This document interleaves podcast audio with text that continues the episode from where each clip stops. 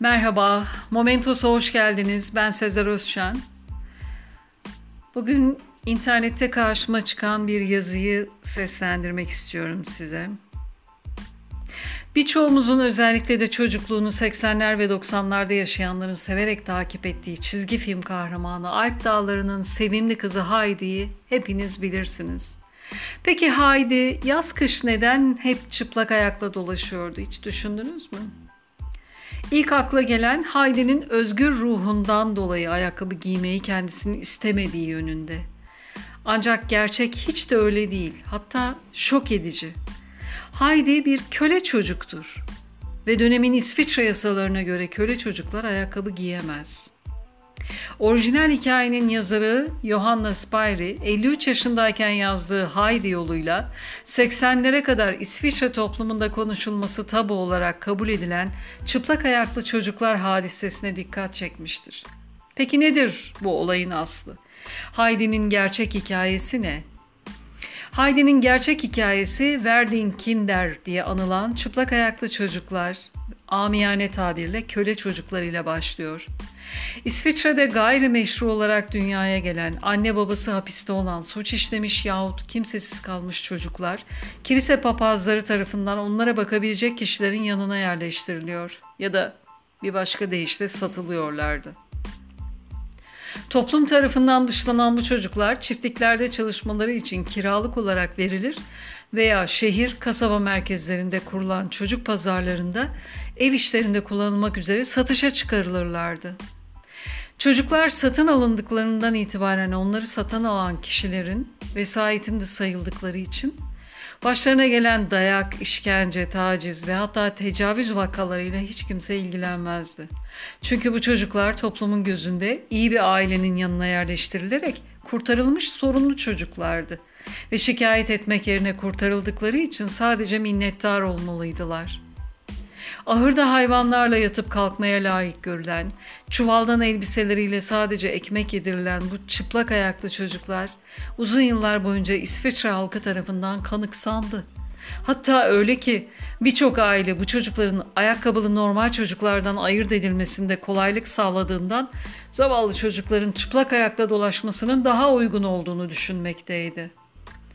İsviçre toplumunun üstü kapalı olarak işlediği bu kölelik sistemi ilk bakışta çok uzak bir tarihe ait kötü bir anı gibi geliyor.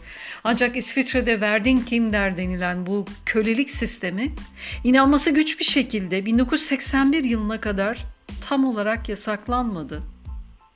Daha da kötüsü İsviçre devletinin şu an bazıları hala hayatta olan bu insanlardan resmi olarak özür dilemesi ise ancak 2013 yılında mümkün oldu.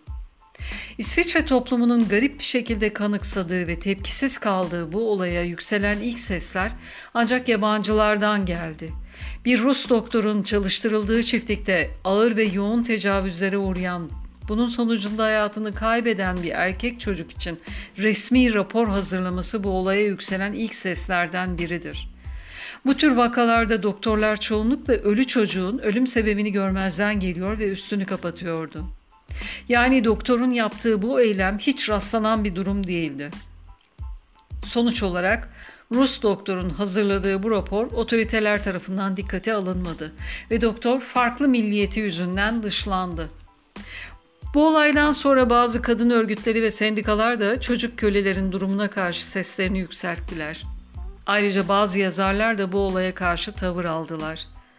Kendisi de Verdinkinder adı verilen kölelik sisteminin kurbanı olan yazar Karl Losli, annesi ve babasını doğru dürüst göremeden 11 yaşına kadar çiftliklerde çalıştırılıp tacizlere uğramıştı. Yazarlık yaptığı dönemde başına gelenlere sessiz kalmadı ve bu konu üzerine yazılar yazdı. Ne yazık ki İsviçre'nin tabu olarak kabul ettiği ve kanıksadığı bir sisteme çomak sokmaya çalıştığı için yazdıkları hiçbir zaman ciddiye alınmadı ve yaşadığı dönemde değer görmeyen bir yazar olarak kaldı.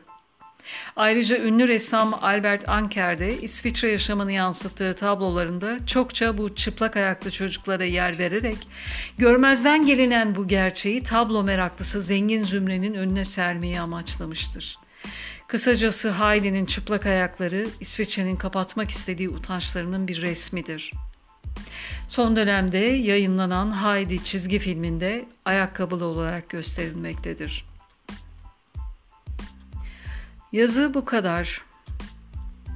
Bu konu hakkında hiçbir bilgim yoktu ve gerçekten masum hislerle izlediğim Haydi çizgi filmi için şu anda çok üzgünüm, kızgınım, şoktayım. Bu hayatta kimsesiz kalmış çocuklardan yararlanmayı, onları sömürmeyi düşünerek türlü fenalıklar yapanlar, ister Orta Doğulu, ister Uzak Doğulu, isterse Avrupalı olsun, hiçbir canlının yerine koyulamayacak denli aşağılığın aşağılığı yaratıklardır. Böylesi yakın bir tarihe kadar da devam etmiş olması İsviçre için yüz karası bir durumdur. Bu olayı aktarmam kaçınılmazdı. Dinlediğiniz için teşekkürler. Hoşça kalın. Momentos'ta kalın.